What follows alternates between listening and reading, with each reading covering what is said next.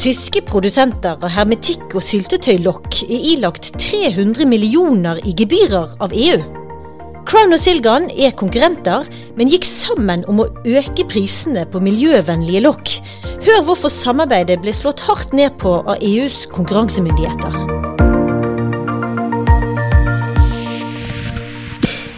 Dette var lyden av et syltetøyglass som blir åpnet. For i denne episoden skal det handle om produksjon av hermetikk og syltetøylokk. Magnus Friis Reitan, velkommen. Takk. De som hører fast på oss i Konkurransepodden, de kjenner jo godt til deg, men du kan få begynne med å presentere deg selv for en gangs skyld. Ja, eh, jeg heter Magnus Friis Reitan, er samfunnsøkonom her i Konkurransetilsynet. Eh, det har vært lenge. Nå jobber jeg som eh, nestleder i avdelingen for mat handel og helse. Eh, og så har jeg bl.a. òg eh, jobbet mye med eh, bærekraft og konkurransepolitikk. Så har du jobbet med mange forskjellige etterforskningssaker og fusjonssaker for tilsynet.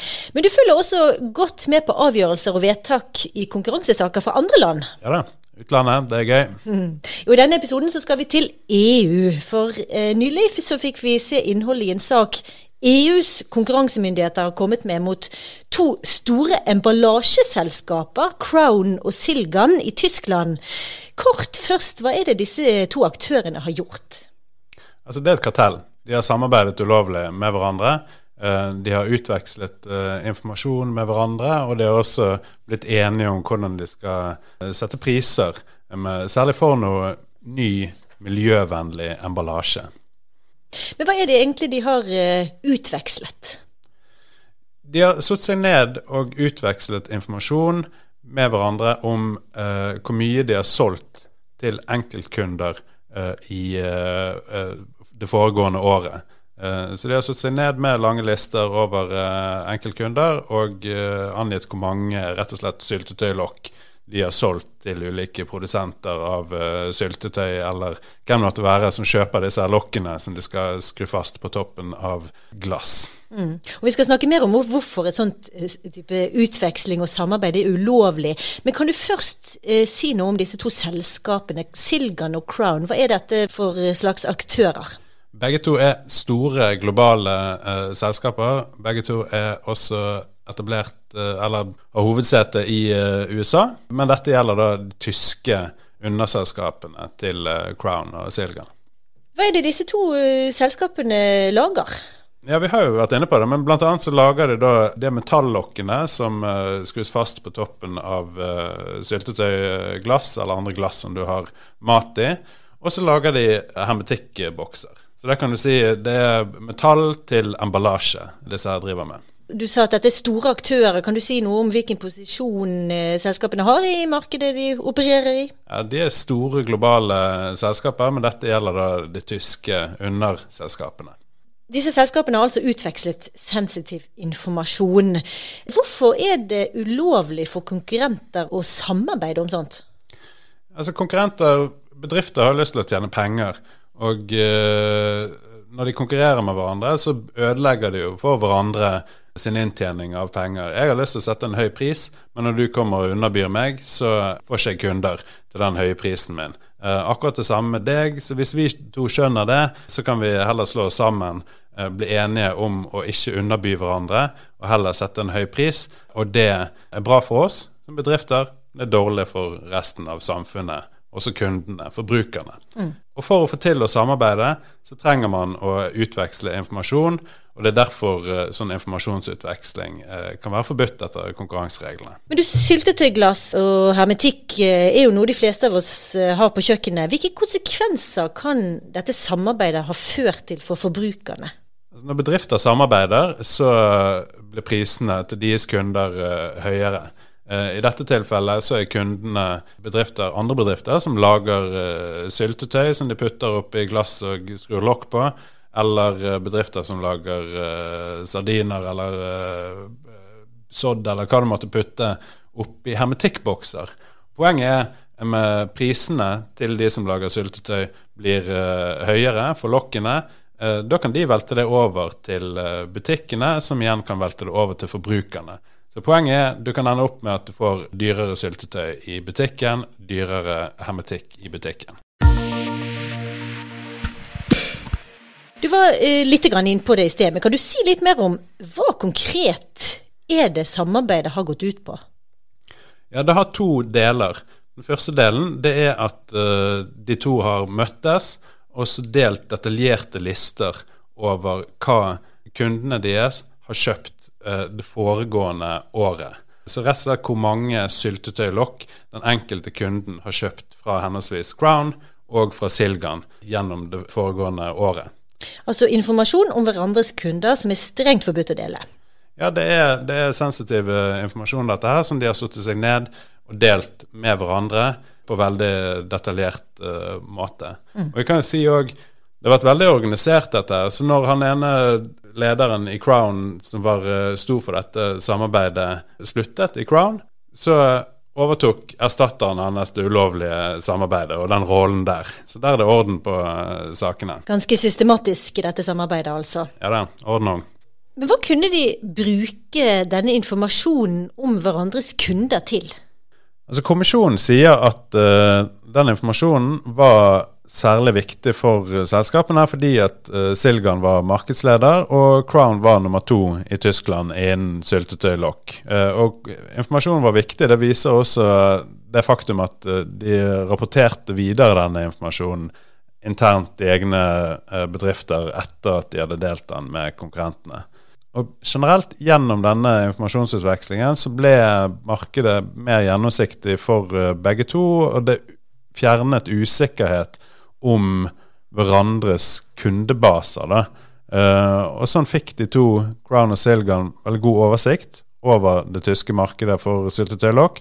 Og det satte de i stand til å måtte ikke løpe i beina på hverandre og ødelegge for hverandres forhold til enkeltkunder.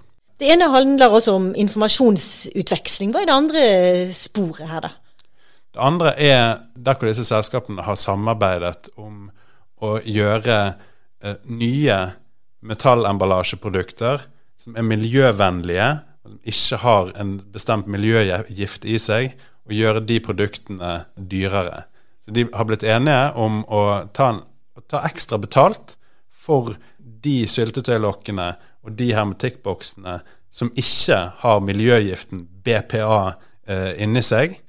Og de har også blitt enige om å gi en kortere anbefalt holdbarhetsdato på produktene som ikke har miljøgift i seg.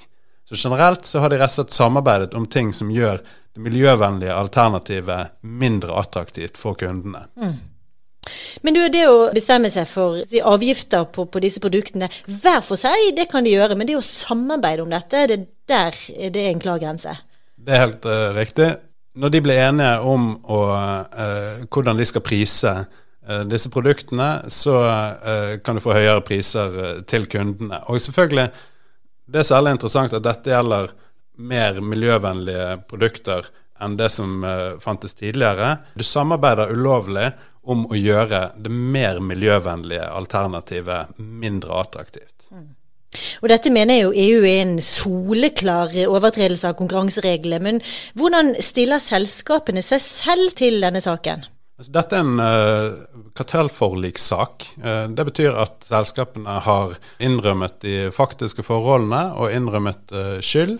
Og så har de da fått en raskere behandling, eh, redusert gebyr fra kommisjonen, og saken er blitt avsluttet på den måten. Så, så selskapene har, har innrømmet at de har deltatt i et kartell. Mm. I tillegg så kan jeg legge til at uh, kommisjonen dro på bevissikring hos uh, Crown og hos Silgan i Tyskland i 2018. Uh, og Da kommisjonen var på besøk på bevissikring hos Crown, så søkte Crown om lempning. Altså de la kortene på bordet, og for det så har de fått halvert gebyret sitt, rett og slett for det ulovlige samarbeidet. Mm. Pga. dette samarbeidet med kommisjonen. Men når to selskaper ønsker å samarbeide, f.eks. om dette antimiljøsamarbeidet, hvordan går det frem da? Altså, er det snakk om tar de en telefon, ringer til hverandre, sender de en e-post? Altså, Hva slags beviser har EU-kommisjonen funnet her?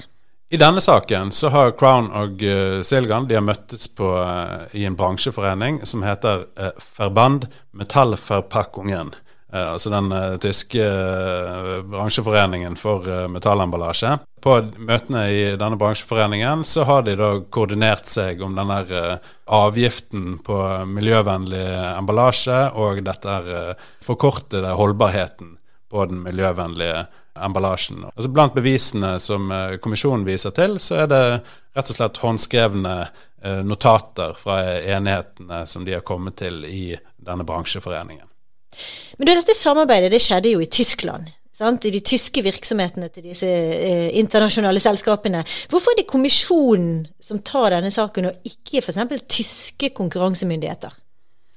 Bakgrunnen der er at uh, tyske konkurranseregler uh, inneholdt det som kommisjonen kaller et smutthull. Som gjorde at det tyske konkurransetilsynet, Bundeskartellamt, de ville ikke hatt anledning til å gi bøter til disse tyske underselskapene av Crown uh, og Silgan. Og Det var derfor at kommisjonen overtok saken fra tyske konkurransemyndigheter. Dette var ikke selskapene helt enig i at var greit, så den biten har de, faktisk anket til EU-domstolen etter uh, vedtaket fra kommisjonen. Mm. Du, Det er jo et sterkt miljøperspektiv i denne saken her, sant, som du har, har, nevnt her. Men i Norge så er det jo også en diskusjon om bærekraft eh, og konkurranse. da. Eh, hvilken linje kan man trekke fra konkurransepolitikk til grønn omstilling ut fra denne saken her? Ja, altså Konkurransepolitikken kan jo ha mange sider til eh, grønn omstilling uh, og uh, bærekraft, men denne typen samarbeid, der er det jo rett og slett sånn at aktiv håndheving av konkurransepolitikken understøtter grønn omstilling. Fordi at miljøvennlige alternativer, det er ofte kostbart for bedrifter å innføre. Så det er dyrere å lage miljøvennlige produkter. Så de har egentlig lyst til å la være å gjøre det. Men du har ikke lyst til å være den eneste. Du har ikke lyst til å stå alene med uh, å bare selge det miljøfiendtlige produktet. Så derfor så føler man ofte at man må koordinere seg da, om å lage den billigere miljøfiendtlige varianten. At ingen liksom ødelegger ved å lage den miljøvennlige varianten, eller å selge den billig. Og Det viser jo denne saken her. At uh, her koordinerer de seg om å sette en høyere pris for det miljøvennlige alternativet. Og da er det bare å kjøre på med aktiv håndheving av uh, reglene mot ulovlig samarbeid når bedrifter finner på sånn som dette her, som både er dårlig for konkurransen og for miljøet. Tysk syltetøy-lokkartellsak der altså, Magnus Frisreitan. Takk skal du ha for at du fortalte oss om denne saken i Konkurransepodden. Sjøl takk. Takk for at du hører på Konkurransepodden. Jeg heter Siri Løken og er kommunikasjonsrådgiver i Konkurransetilsynet. Vi holder deg jevnlig oppdatert på konkurransesaker fra Norge og verden. Gå gjerne også inn på nettsidene våre og abonner på vårt nyhetsvarsel. Og du kan også følge oss på LinkedIn, Facebook og Twitter på Hjemhør.